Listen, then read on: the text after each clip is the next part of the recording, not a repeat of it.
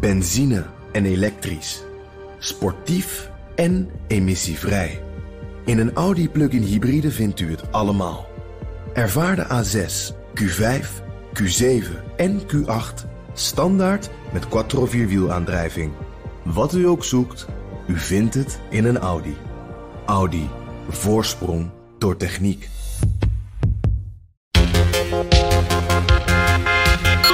We hebben tot achter de komma uitgerekend wat het uh, zou kunnen betekenen voor bevingen. Niet dat we dat kunnen overigens met de onzekerheid. Maar we hebben minder goed uh, scenario's gebouwd misschien. En nagedacht over goh, wat betekent dit lange termijn. Want wij moeten nu 20, 30 jaar lang een boel gas gaan importeren. hoe gaan we dat in goede banen leiden?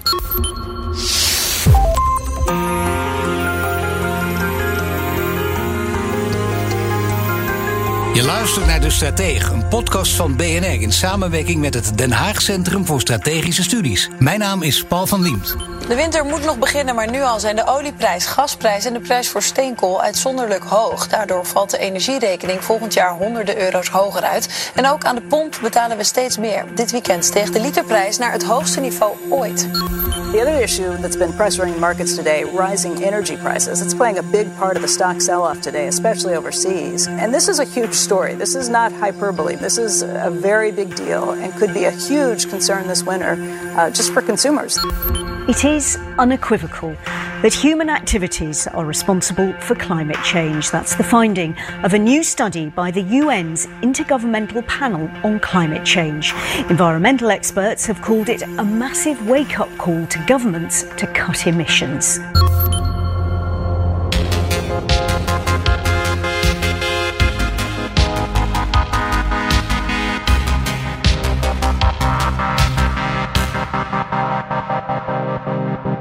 De energieprijzen schieten omhoog in de wereld en zo ook bij het gas. Nederland wordt daar extra hard door geraakt vanwege het stoppen van de gasboringen in Groningen. In tijden van krapte kon Nederland altijd een slag slaan met het strategische Groningse gas. Maar nu zijn ook wij volledig afhankelijk van landen als Rusland en Saoedi-Arabië. En dat in tijden van krapte. Dat merken we aan onze energierekening. In het komende decennium zal de vraag naar fossiele brandstof in de wereld nog altijd blijven toenemen, want fossielvrije alternatieven zijn er nog niet genoeg. Lopen we het risico dat we met gastekorten te maken gaan krijgen? Hebben we onszelf in de vingers gesneden met onze plannen om helemaal te stoppen met het Groningse gas? Zouden we dit besluit nog ongedaan kunnen maken? En hoe zit het dan met de klimaatdoelen die ook gehaald moeten worden? Dat ga je horen in deze aflevering van de Stratege van mijn twee gasten, Lucia van Geuns en Jilles van den Beukel. Allebei zijn ze energiespecialisten van het Den Haag Centrum voor Strategische Studies. Major worldwide outage for Facebook here in the US and in countries all over the world. Billions of users, Instagram and WhatsApp down for hours too. All day, the company saying it was trying to get to the bottom of this, saying we are working to get things back to normal as quickly as possible. Facebook has had outages before, but of course, nothing on this scale. Ja, dit was even schrikken. Afgelopen week hadden we opeens een hele avond geen WhatsApp, geen Facebook en vooral natuurlijk geen Instagram, eh, zou ik tegen jullie willen zeggen, Jillis en Lucia. Want voor ons alle drie geldt het wijzen van de generatie die, die nog weet hoe het was om offline te leven. Hoe hebben jullie die storing beleefd, eh, Lucia? Ik heb er helemaal niks van gemerkt. ik zit niet op Facebook, ik heb geen Instagram. Ik heb wel WhatsApp, maar goed, Oh. oké, dan, dan ontvang ik een keer geen berichtjes 's avonds. Dus ik vond het helemaal niet erg. Oh, je vond het niet erg en jij, Jillis? Uh, ik kon een uh, goede vriend zo gauw niet meer uh, appen en feliciteren met zijn verjaardag. Dat was voor mij wat me het eerst te binnen schiet. Ja, maar Instagram niet. Al die leuke foto's van jou gewoon overal, weet je wel. Dat je gewoon weer aan de masten hangt, aan drank. we hebben een verdeling uitgaan. in huis in Appelscha. Mijn vrouw doet Instagram en ik doe Twitter. Lucia, als ik jou zo hoor, moeten we niet wat vaker dan offline gaan met z'n allen? Voor onze rust? Ja, in ieder geval voor mijn rust. Ik, ik merk, ik zit alleen maar op LinkedIn en dat vind ik zelfs al een beetje onrustig. En uh, ik lees liever een boek of een goed artikel. En uh, daar vind ik ook mijn rust in. En een beetje naar de radio luisteren af en toe, BNR? Uh, zonder meer. De meest gestelde vraag aan mij is... meneer Wiepers, blijft Groningen wel Groningen? Um, nou ja, vandaag beantwoordt het kabinet die... door te zeggen dat de gaswinning gewoon gestopt wordt. Ja, je hoorde toenmalig minister van Economische Zaken Erik Wiebes was in 2018... en toen kondigde hij aan dat de overheid begint met het afbouwen van de gaswinning in Groningen... In hoeverre betalen we nu de prijs voor dit besluit, Dus ja. Ja, dit was 2018 en dit was Ja. ook in het begin van 2018, want toen was er een hele zware eh, aardbeving in Zeerijp. We hadden natuurlijk de, de, de, de, zeg maar de eerste grote aardbeving in Huizingen in, twee, in 2012. Maar Zeerijp was eigenlijk gewoon de druppel op dat moment. En toen werd er ook besloten door Wiebes, we gaan het afbouwen en gaan zo snel mogelijk nul produceren vanuit, uh, vanuit uh, het Groningenveld. Oftewel, we gaan het Groningenveld afsluiten. En dat was een, een, een hele radicale beslissing. Vooral omdat de minister Kamp daarvoor het allemaal een beetje stapsgewijs doet. Een beetje pappen en nat houden. En eigenlijk het probleem nog niet als zodanig groot, zeg maar, zag. Dus dit was een, een beslissing die, denk ik, door iedereen wel is begrepen. Tegelijkertijd wat, denk ik, uh, misschien op dat moment nog niet werd ingezien, eh, dat er dan ook wel een radicaal verandering, een radicale verandering uh, is gekomen. Kun je zeggen dat het dan een beslissing was achteraf, te veel door emotie ingegeven? Ja, aan de andere kant, ik denk wel terechte emotie. Maar toch, we moeten wel nadenken over de fouten die we gemaakt hebben bij de sluiting van het Groningen gas. En dat kunnen we nu doen, omdat we in ieder geval nu, in deze ook op dit gebied hectische tijden, toch even kunnen terugkijken, Jilles. Ja, als ik uh, nou, terugkijk op die beslissing 2018. Uh, een beslissing kan onvermijdelijk zijn, maar daarmee is het nog niet een gelukkige beslissing. En, en dat was hier wel een beetje het geval. Eigenlijk stond Wiebes voor de keus. Hij had twee opties. Of helemaal stoppen, en dat heeft hij gedaan. Of teruggaan naar, ik noem maar wat, 10 of 12 miljard kub en take it from there. En heeft gekozen voor helemaal stoppen. Uh, waarschijnlijk met het idee, dan kan ook op termijn de versterkingsoperatie stoppen. Uh, en ja, vervolgens kun je wel zeggen van nou, dan hadden we ons wat beter verder moeten instellen op uh, uh, wat gaat er nu gebeuren in die nieuwe gaswereld, waarin wij een grote importeur zijn. En uh, wat die nieuwe gaswereld betekent en dat nieuwe gassysteem wat we nu hebben, ja, dat merken we nu pas. Hoe dat loopt. Want tijdens ruime gasmarkten zijn dingen makkelijk. En we hebben zeven jaren van zeg maar vette gasmarkten achter de rug. Ruim meer aanbod dan, dan vraag. En nu is dat omgeslagen en ziet de wereld er ineens heel anders uit. En daar hebben we niet zo goed over nagedacht. Ja, we hebben gekeken naar de beving. Ik zou zeggen meer dan terecht, uiteraard. Maar niets over de leveringszekerheid. Er is niet goed over nagedacht, kun je dat zeggen? Ja, dat kun je wel zeggen. We hebben tot achter de komma uitgerekend wat het uh, zou kunnen betekenen voor bevingen. Niet dat we dat kunnen overigens met de onzekerheid. Maar we hebben minder goed uh, scenario's gebouwd misschien. En nagedacht over uh, wat betekent dit lange termijn? Want wij moeten nu 20, 30 jaar lang een boel gas gaan importeren. hoe gaan we dat in goede banen leiden? want ja, het, het, het, gaat, nou ja, je hebt de, de combinatie van dingen. Leveringszekerheid, uh, milieuvriendelijkheid en, en uh, affordability. Dus de financiële kant. En het telt wel alle drie mee. Maar ja, het is toch tamelijk onvoorstelbaar, zeker nu, als je kijkt naar wie er allemaal toezicht op houden, of in ieder geval die er naar kijken. Het ministerie van Economische Zaken, van Wiebes destijds niet alleen, maar ook de NAM, de Gasunie, Gasterra, die op het Groningse gas toezag. Hoe verklaar je dat er niet of nooit zelfs over is nagedacht dan? Ik denk wel dat er is over, over is nagedacht. Uh, alleen die leveringszekerheid in, in een tijd dat de, mar dat de markt krap is en dat de prijzen heel hoog zijn en dat er mogelijk een crisissituatie gaat ontstaan, met name voor het gas wat wij laagkalorisch gas noemen, oftewel het gas dat wordt gebruikt door de consumenten, hè, door, door, door, door, jou en door mij, ja. maar ook zelfs door, door, door kleine industri industriële partijen. Het is niet het hoge calorische gas wat je kan importeren, waar je geen stikstof bij hoeft te mengen. En daar had moeten, over moeten worden nagedacht. Wat gaan we doen in het geval van een crisissituatie? Wat gaan we doen in het geval dat die leveringszekerheid een probleem gaat worden? Niet zozeer dat we daar nu zijn, maar het is wel een, in zoverre een kritieke situatie dat de prijs heel hoog is en dat die opslagen uh, uh, voor een deel, met name de hoogcalorische opslagen, maar voor een heel klein deel zijn gevuld. Maar we kunnen er wel van leren als we weten hoe het komt dat er niet goed is over nagedacht. Want ik zei al, ik snap het wel als een van die partijen dat niet had gedaan, maar het gaat, het gaat om vier partijen die zich daar op een of andere manier mee bemoeiden. Ja, ik denk een heel belangrijke rol hier is dat we zo lang in een leunstoel hebben gezeten. Een leunstoel in de zin van we hebben Groningen.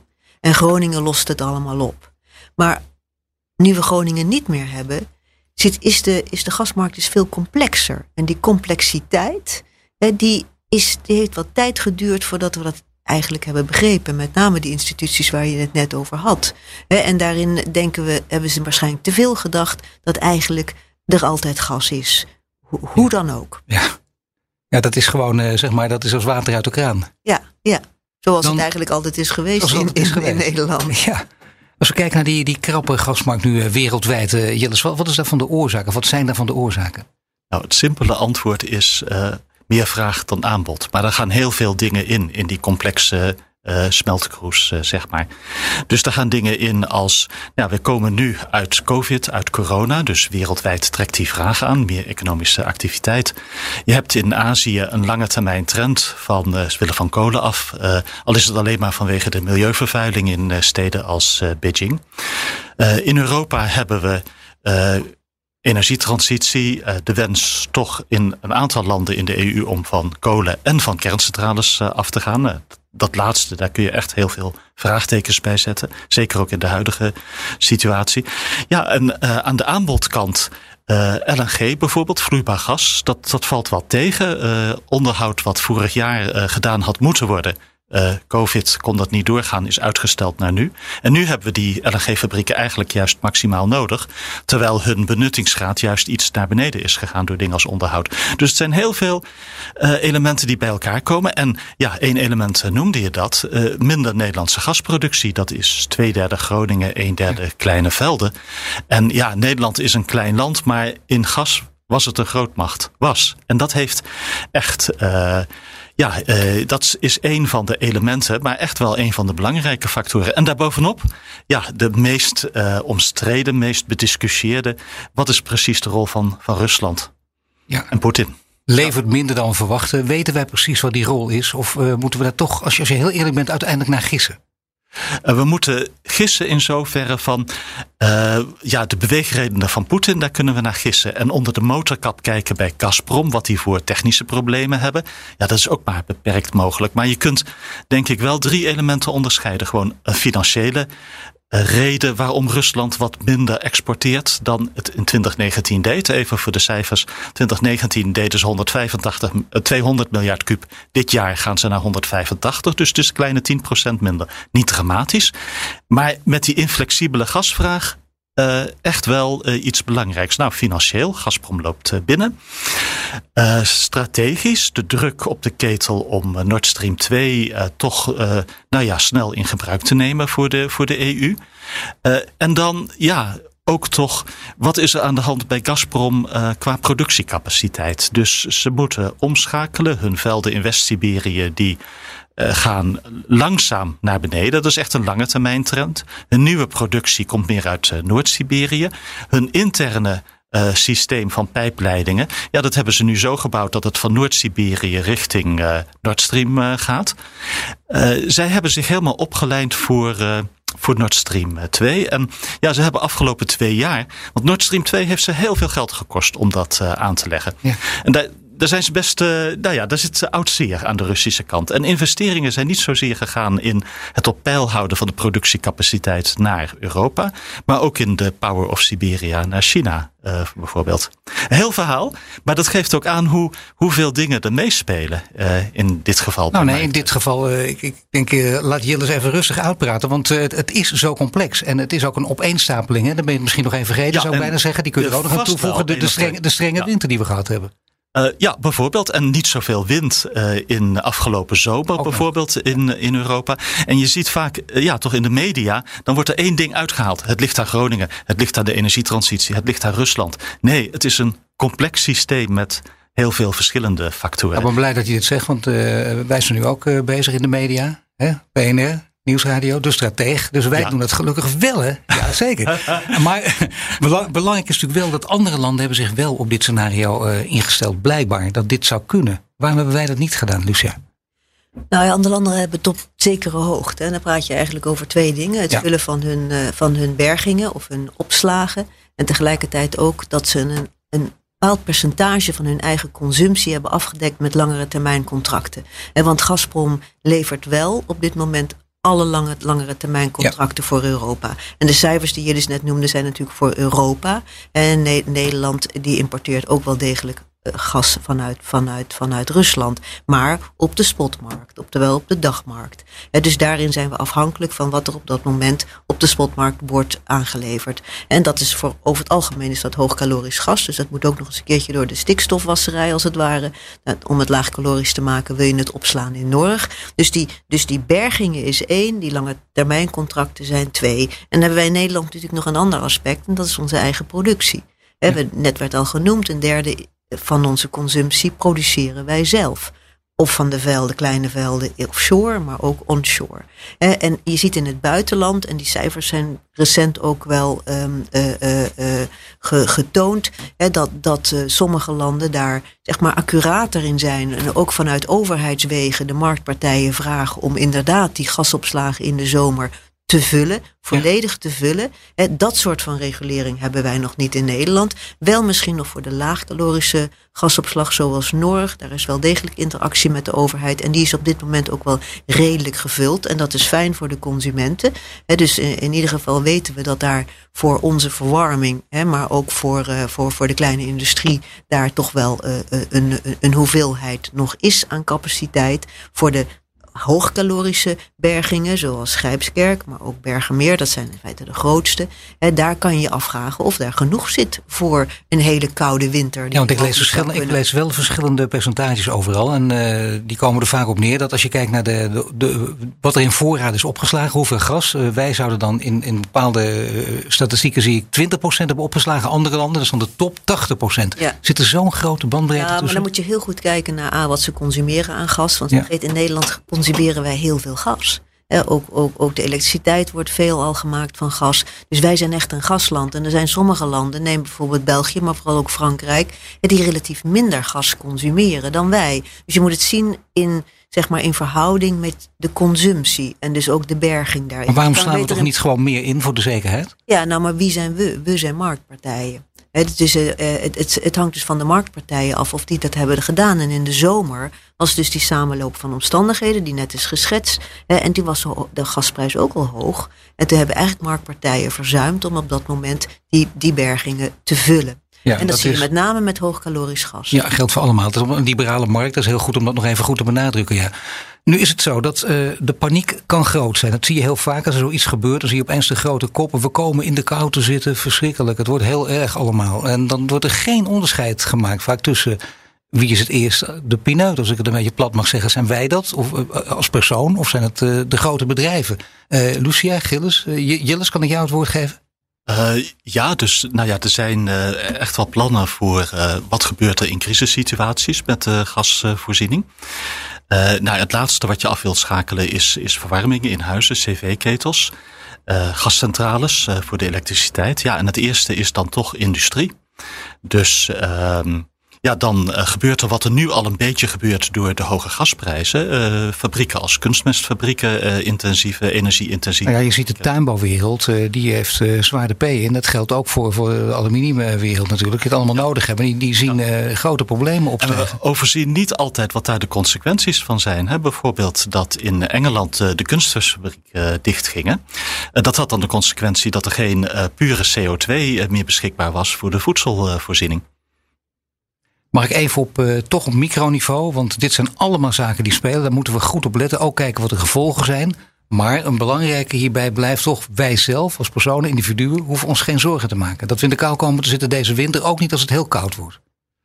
Uh, ik denk sowieso dat de kans op echte problemen met leveringszekerheid uh, klein is. Maar het is niet nul meer, maar zeg een paar procent. En eigenlijk helpt het nu dat die gasprijzen zo hoog zijn. Want het betekent dat nu eigenlijk de markt uh, zijn werk doet, al gaat dat vrij hardhandig. Dat die gasvraag een beetje naar beneden gaat. Het is ja, voor de industrie heel vervelend wat er nu gebeurt. Maar voor de leveringszekerheid in februari, maart is het, is het goed. Ja. Nou ja, want uh, februari, maart nog iets verder gerekend. Uh, april. Er zijn sommige uh, gasexperts met name die zeggen... nou, rond april 2022, dus ja, dan is het... nu is de urgentie groot, maar is de urgentie voorbij. Dan is de kans zelfs heel groot dat de gasprijs daalt.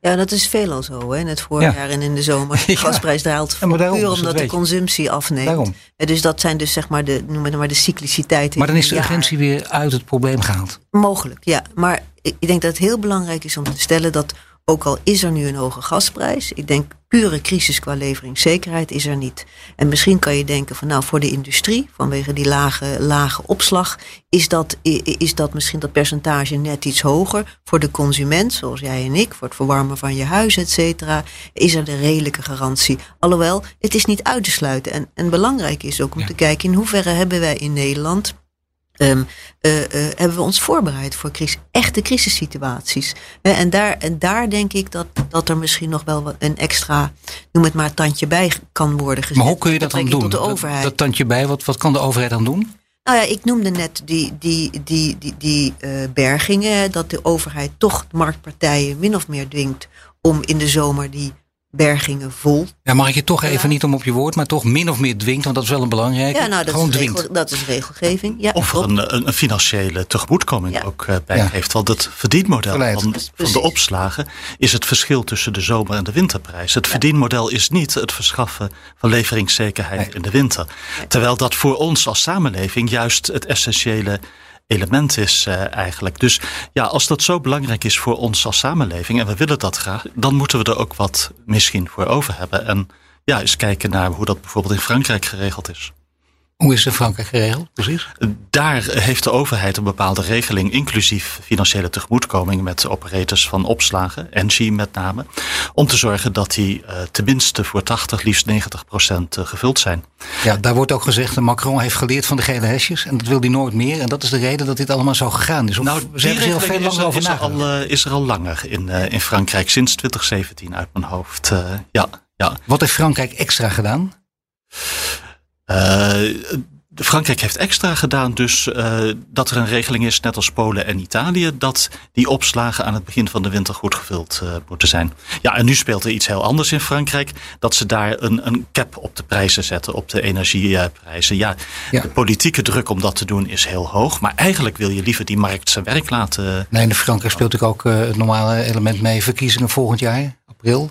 Uh, absoluut, want uh, ja. ja, en, en, en dan zie je van, ja, je hebt uh, energietransitie is heel belangrijk, maar je ziet ook hoezeer benzineprijzen en gasprijzen voor consumenten belangrijk zijn, voor, ja, voor politici begrijpelijk. We hebben tot nu toe niet gesproken over een belangrijk thema in deze tijd, namelijk de klimaatverandering. zo maakt het VN, VN IPCC-rapport van deze zomer nog eens duidelijk. It is unequivocal that human activities are responsible for climate change. That's the finding of a new study by the UN's Intergovernmental Panel on Climate Change. Environmental experts have called it a massive wake up call to governments to cut emissions. Ja, dus klimaatverandering door de mens. Het gaat allemaal veel sneller dan we denken. We hebben inmiddels eh, klimaatdoelen die we moeten halen. Sommige dus al voor 2030 zelfs. Hoe moeten we die halen als we op fossiel blijven draaien? Want sommige mensen zeggen, we lopen nu al zo ver achter dat het niet gaat lukken. Lucia.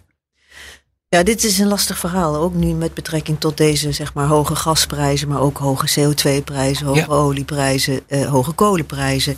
Dat is echt een, ik noem dat een korte termijn zaak. He, dat is, maar tegelijkertijd weten we dat op de midden- en langere termijn we door een energietransitie moeten gaan. Namelijk naar een, een, een, een samenleving waar CO2 uh, uh, niet meer zo sterk wordt uitgestoten dan nu. Nou, in Europa hebben we daar uiteindelijk afspraken over gemaakt. De Green Deal van, van meneer Timmermans, om het maar even zo te noemen, die staat. En tegelijkertijd is er ook naar 2030 een heel duidelijke oproep gedaan om wat ze noemen Fit for 55. Oftewel 55% reductie van CO2 in 2030. Daar moet Nederland zich ook aan houden. En eigenlijk het huidige klimaatakkoord is daar dan nog niet helemaal goed voor. Daar moeten ze nog wat aan gaan sleutelen om extra CO2 te gaan besparen. En nou, dat, daar zijn ze nu mee bezig. Daar zijn ze nu mee bezig bij PBL, bij EZK. En, en daar wordt een heleboel over gepraat, ook met de industrie. Dus die gesprekken lopen ook. En je kan eigenlijk nu stellen dat die huidige crisis, die noem het maar crisis, of in ieder geval hoge, hoge gasprijzen, hè, dat, dat, dat dat voor deze winter haalt dat niks meer uit. Je hoopt alleen maar dat het niet, niet te koud gaat worden. Hè, om, om die crisis nog niet sterker te laten, laten zijn.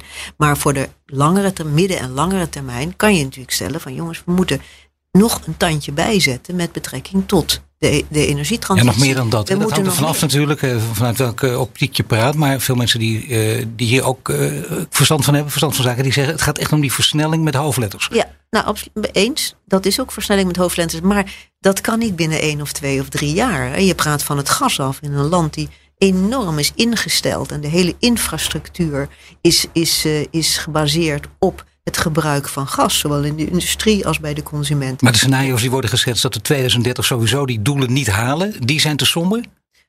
Nou ja, er zijn, er zijn een heleboel scenario's. En het hangt er dus af van welke verhaallijn eigenlijk jij wil geloven. Maar wij moeten binnen het kader van de EU naar die Fit for 55. Oftewel 55% minder CO2-uitstoot. En dat betekent dat we echt de hele energietransitie, ook met betrekking tot het gebruik van gas, zullen moeten versnellen.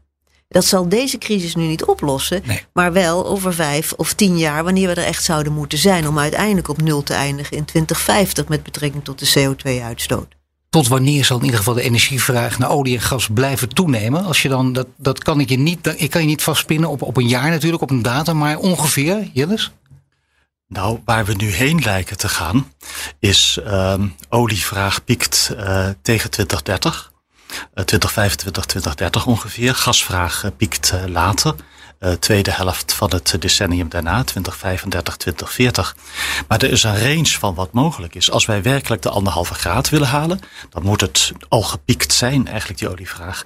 Nou ja, we zien dat nu op de korte termijn niet gebeuren. We zien nu we uit corona komen dat de olievraag zo rond de helft van volgend jaar in de zomer weer het oude niveau behaalt. Fit for 55, dat halen we misschien. Die anderhalve graad.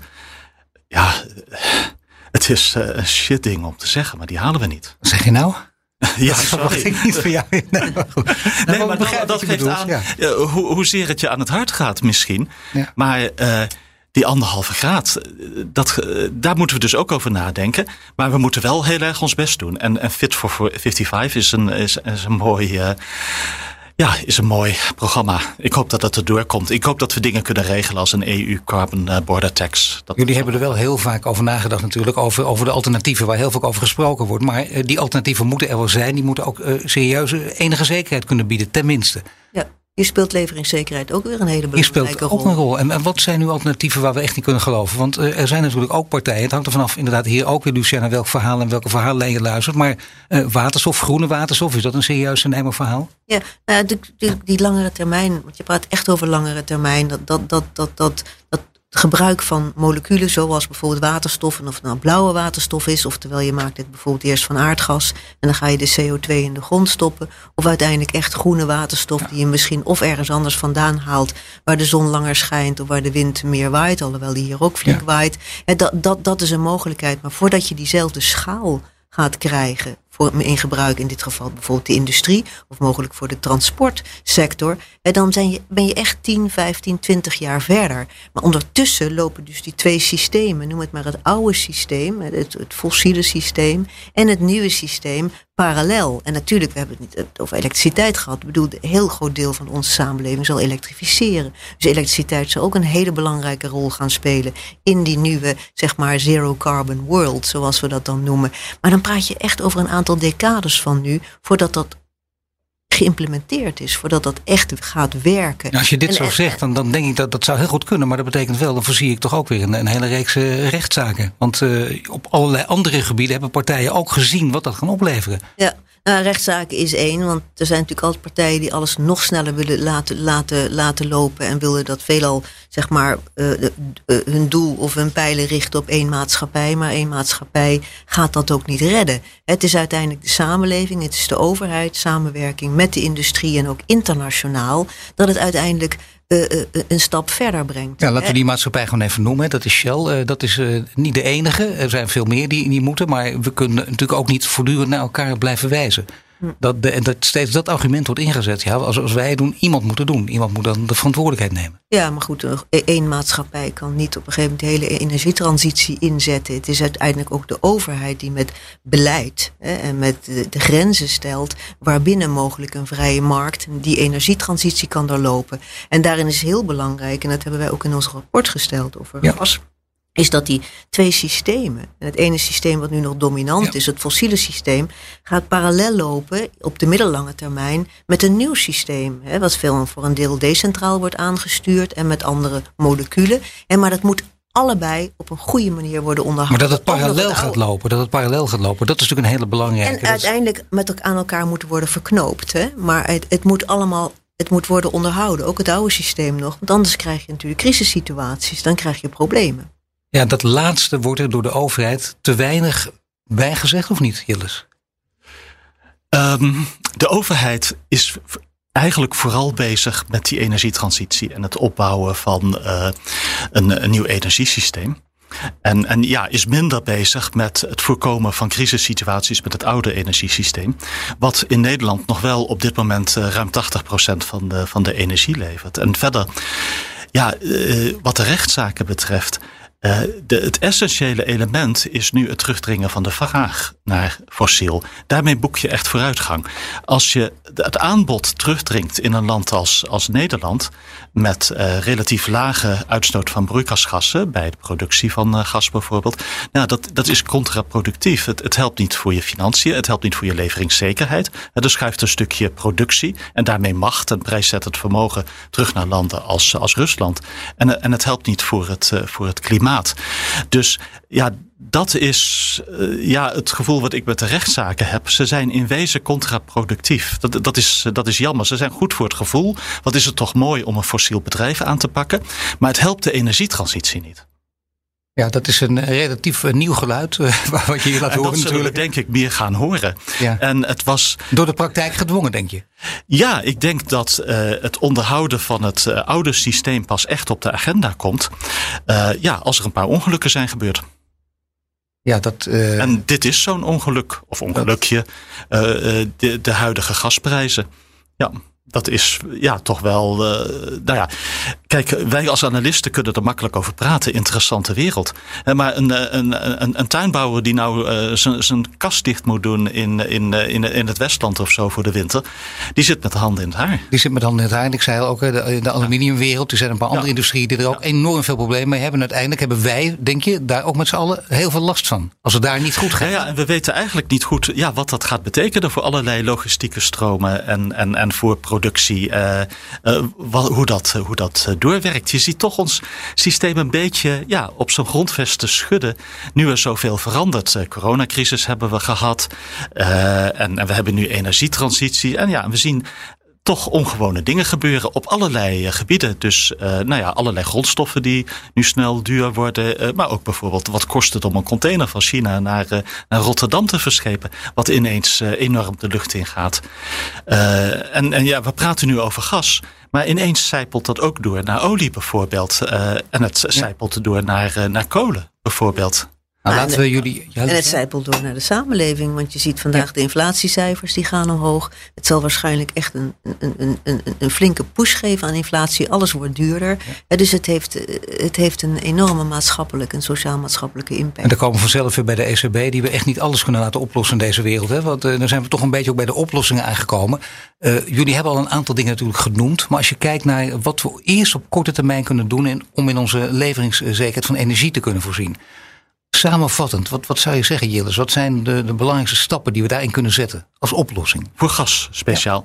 Ja. Uh, ik denk het drietal wat we hebben aangereikt van bestaande gasopslagen goed vullen aan het begin van de winter. Uh, de lange termijn contracten. En toch de kleine veldenproductie in Nederland uh, een beetje stimuleren en een beetje in, uh, in stand houden. Ben je helemaal importafhankelijk zonder kleine velden? Of kunnen kleine velden nog orde van grootte een derde van, van de Nederlandse gasconsumptie doen? Dat, dat is best een uh, verschil. En de overheid een grotere rol laten spelen in deze volledig geliberaliseerde wereld? Um, nou ja, geliberaliseerd, nou dat zie je nu bij, bij de gasmarkten. En, en voor gasprijzen is dat misschien niet zo gek. Maar leveringszekerheid is zo essentieel dat je het niet alleen maar op de markt wil, uh, wil laten aankopen. Ook komen. Want laten we wel zijn, die operator van die gasopslagen, die heeft in wezen geen belang bij leveringszekerheid. En je wilt iets inbouwen als je marktwerking hebt, dat hij dat wel gaat hebben en dat hij daarvoor gaat zorgen. Tenzij je zegt van nou, misschien wil je dat als overheid wel, wel, zelf doen met, een, met iets als een Gasterra 2.0 of zo. Uh, wij gaan het zonder Gasterra doen hè, vanaf 2024. En, en dat is ja. toch ook wel een beetje een lacune. Dat wou ik zeggen. En dat is al heel dichtbij. Dat wordt ook vaak vergeten. Goed dat je dat zegt. Dat is inderdaad nog maar drie jaar. En dan is een, zijn er misschien uh, grote, brede alternatieven waar we ook aan moeten denken. Zoals uh, boren in de Waddenzee. Denk eens aan de kolencentrales en de kerncentrales. Wat moet daarmee gebeuren? Nou, de kolen en de kerncentrales. Je moet de kerncentrales, de bestaande kerncentrales, uh, openhouden. Nucleair is een hele moeilijke discussie. Als je uh, veel reacties op een tweet wilt hebben, doe iets over nucleair uh, kernenergie. en je krijgt de beide groepen over je heen. Wat is jouw Twitter misschien aardig om even te noemen nu?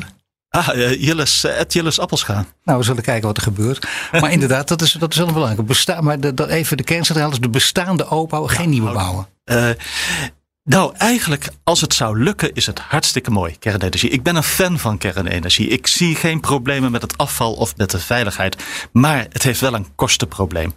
Kortom, voor Nederland zie ik ons nu geen opdracht geven voor nieuwe kerncentrales. Maar het zou zo mooi zijn als het in Engeland en in Frankrijk lukt om bijvoorbeeld die small modular reactors van de grond te krijgen. Of, of de Flamanvilles van deze wereld. En, uh, en dat je die, die kosten zo ver omlaag krijgt. Want laten we wel zijn, kernenergie uh, heeft behalve uh, weinig broeikasgassen, vrijwel geen, heel weinig ruimtebeslag. En dat is een echt voordeel. Uh, de vraag is, hoeveel heb je daarvoor over? Want het is wel verrekte duur wat er nu gebouwd wordt. Jammer genoeg. Ja, en nog steeds toch een bepaalde gevaren. Die discussie blijft altijd lopen. Maar je zegt, ik ben een echte fan daarvan. Die gevaren, die houdt toch op? In wezen wel. Als je het rationeel naast elkaar zet. En je, dat frappeert mij altijd zo. Uh, mensen zijn in, in Duitsland, hè, waar je echt de anti-kernenergiebeweging hebt. Uh, de, de, fijnstof en, en alle doden die er vallen door kolencentrales. Daar stappen mensen zo overheen. Uh, terwijl dat, nou ja, hoeveel, hoeveel doden vallen er in Duitsland aan kolenenergie? Dat is drie of vier orders groter dan dat er aan kernenergie valt. Ben jij ook zo'n fan? Lucia? Nou, niet specifiek. Hè? Nee. Ik denk wel dat we alles nodig hebben. Met kernenergie is wel heel erg belangrijk ook om te, om, om te zeggen dat het ook een hele lange tijdslijn heeft. Hè? Het is niet zomaar, weet je, we gaan nu beslissen voor, voor, voor kernenergie en het probleem is opgelost. Het kost een ja. hele tijd voordat er eindelijk een, kerncentrale staat. Ja. En, en tegelijkertijd kostenprobleem, zoals er al, al is genoemd. En wat wordt zeg maar de rol van de overheid hier. Maar het is allemaal en, en, en op een gegeven moment. Hè. Je moet, tuurlijk zet je groot in op wind, je zet groot in op zon, je zet in op, uh, op, op waterstof. Heel belangrijk voor het, ons industriële complex in eerste instantie en mogelijk ook voor het transport. En want er moet toch ook iets komen om het de transportsector op een, een of andere manier te verduurzamen. Die is nog zo afhankelijk van olieproducten. En je kan zeggen, god, elektrische auto's, maar er is zoveel meer. Er zijn vrachtauto's, er is een maritieme sector, er, is, er zijn vliegtuigen. En het allemaal in internationaal verband. Wij kunnen dat op ons postzegeltje helemaal niet oplossen. Het moet uiteindelijk toch internationaal gebeuren. En vooral natuurlijk die regio's, die, die daar ook voor, ja, zeg maar, misschien het meest, de meeste uh, ja, schuld hebben, laat ik het maar even zo zeggen. En dan praat je over Europa, de Verenigde Staten. En die moeten echt het voortouw nemen. En uiteindelijk volgt in China, China met zijn eigen beweegredenen en dan de rest van de wereld. Maar ik denk dat we wat dat betreft ook wel echt wel moeten. En we moeten dan ook alles aangrijpen wat in principe minder CO2 uitstoot. Ja, maar we zullen dus wel echt naar alles ook moeten kijken, omdat er niet genoeg. Uh, dat, dat, we kunnen niet alleen op zon, wind en waterstof vertrouwen. Uh, de alternatieven zijn nog niet betrouwbaar en goed genoeg, zeggen jullie. Nou, alles. Hier in Nederland kijken we ook naar geothermie. Als je praat over vervanging voor warmte, met name in, in, in, klein, in, in bepaalde regio's waar dat kan. dus de, en, en, en tegelijkertijd kijk je ook in andere landen, zoals naar, naar waterkracht. dus er zijn alternatieven.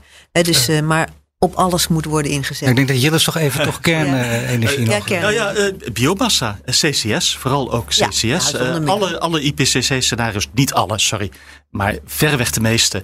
die uh, wel richting doelen gaan van Parijs... die hebben een, een grote hoeveelheid CCS. ja, maar dat is dus, dat is een, noem het maar even een, een, een mogelijkheid om je CO2 te kunnen sequestreren, oftewel in de ondergrond te stoppen. En daar hebben we al in de afgelopen twintig jaar al zo ongelooflijk veel over gepraat. En relatief weinig proefprojecten. Zeker in Nederland. Nou, er is er nu eentje, hè, Portos. Uh, vanuit de Rotterdamse haven in een, in een oud veld net offshore. En maar je zou daar eigenlijk, als je wilt, met grote stappen snel thuis kunnen zijn. En je ziet dat er een, een aantal bedrijven, met name in Noorwegen, die daar al heel ver in is. Hè, met zijn Northern Lights. Dat is een, een, een soort van coalitie van verschillende uh, uh, bedrijven. Die daar een hele grote dump gaan CO2-dump gaan realiseren in de ondergrond. Waar je met je bootje en je CO2-vuilniszak naartoe kan. Kijk, dat zijn zaken, als dat inderdaad van de grond komt en het wordt grootschalig uh, geïmplementeerd, dan kan je met je CO2 veel grotere stappen maken. Precies, en dit zijn in ieder geval uh, oplossingen die we tot nu toe niet overal, hè Jilles, in alle media horen. Uh, nee, het zijn een beetje omstreden oplossingen. En dat is een beetje jammer. Precies. Want, we hebben meer oplossingen nodig in plaats van minder. En soms besteden we veel tijd aan het afschieten van andermans oplossing. En, en ja, dat is jammer. Bij deze mag ik jullie danken. Jilles van der Beukel en Lucia van Geuns. Allebei energiespecialisten van het Den Haag Centrum voor Strategische Studies. En wil je meer afleveringen van de Stratege terugluisteren? Je vindt hem op Apple Podcast en Spotify. Maar ook in de BNR-app of op bnr.nl. Tot de volgende keer.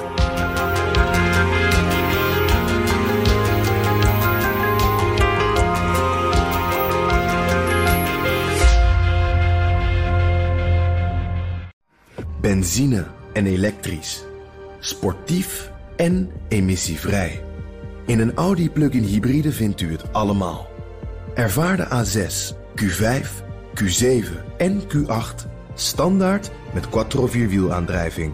Wat u ook zoekt, u vindt het in een Audi. Audi. Voorsprong door techniek.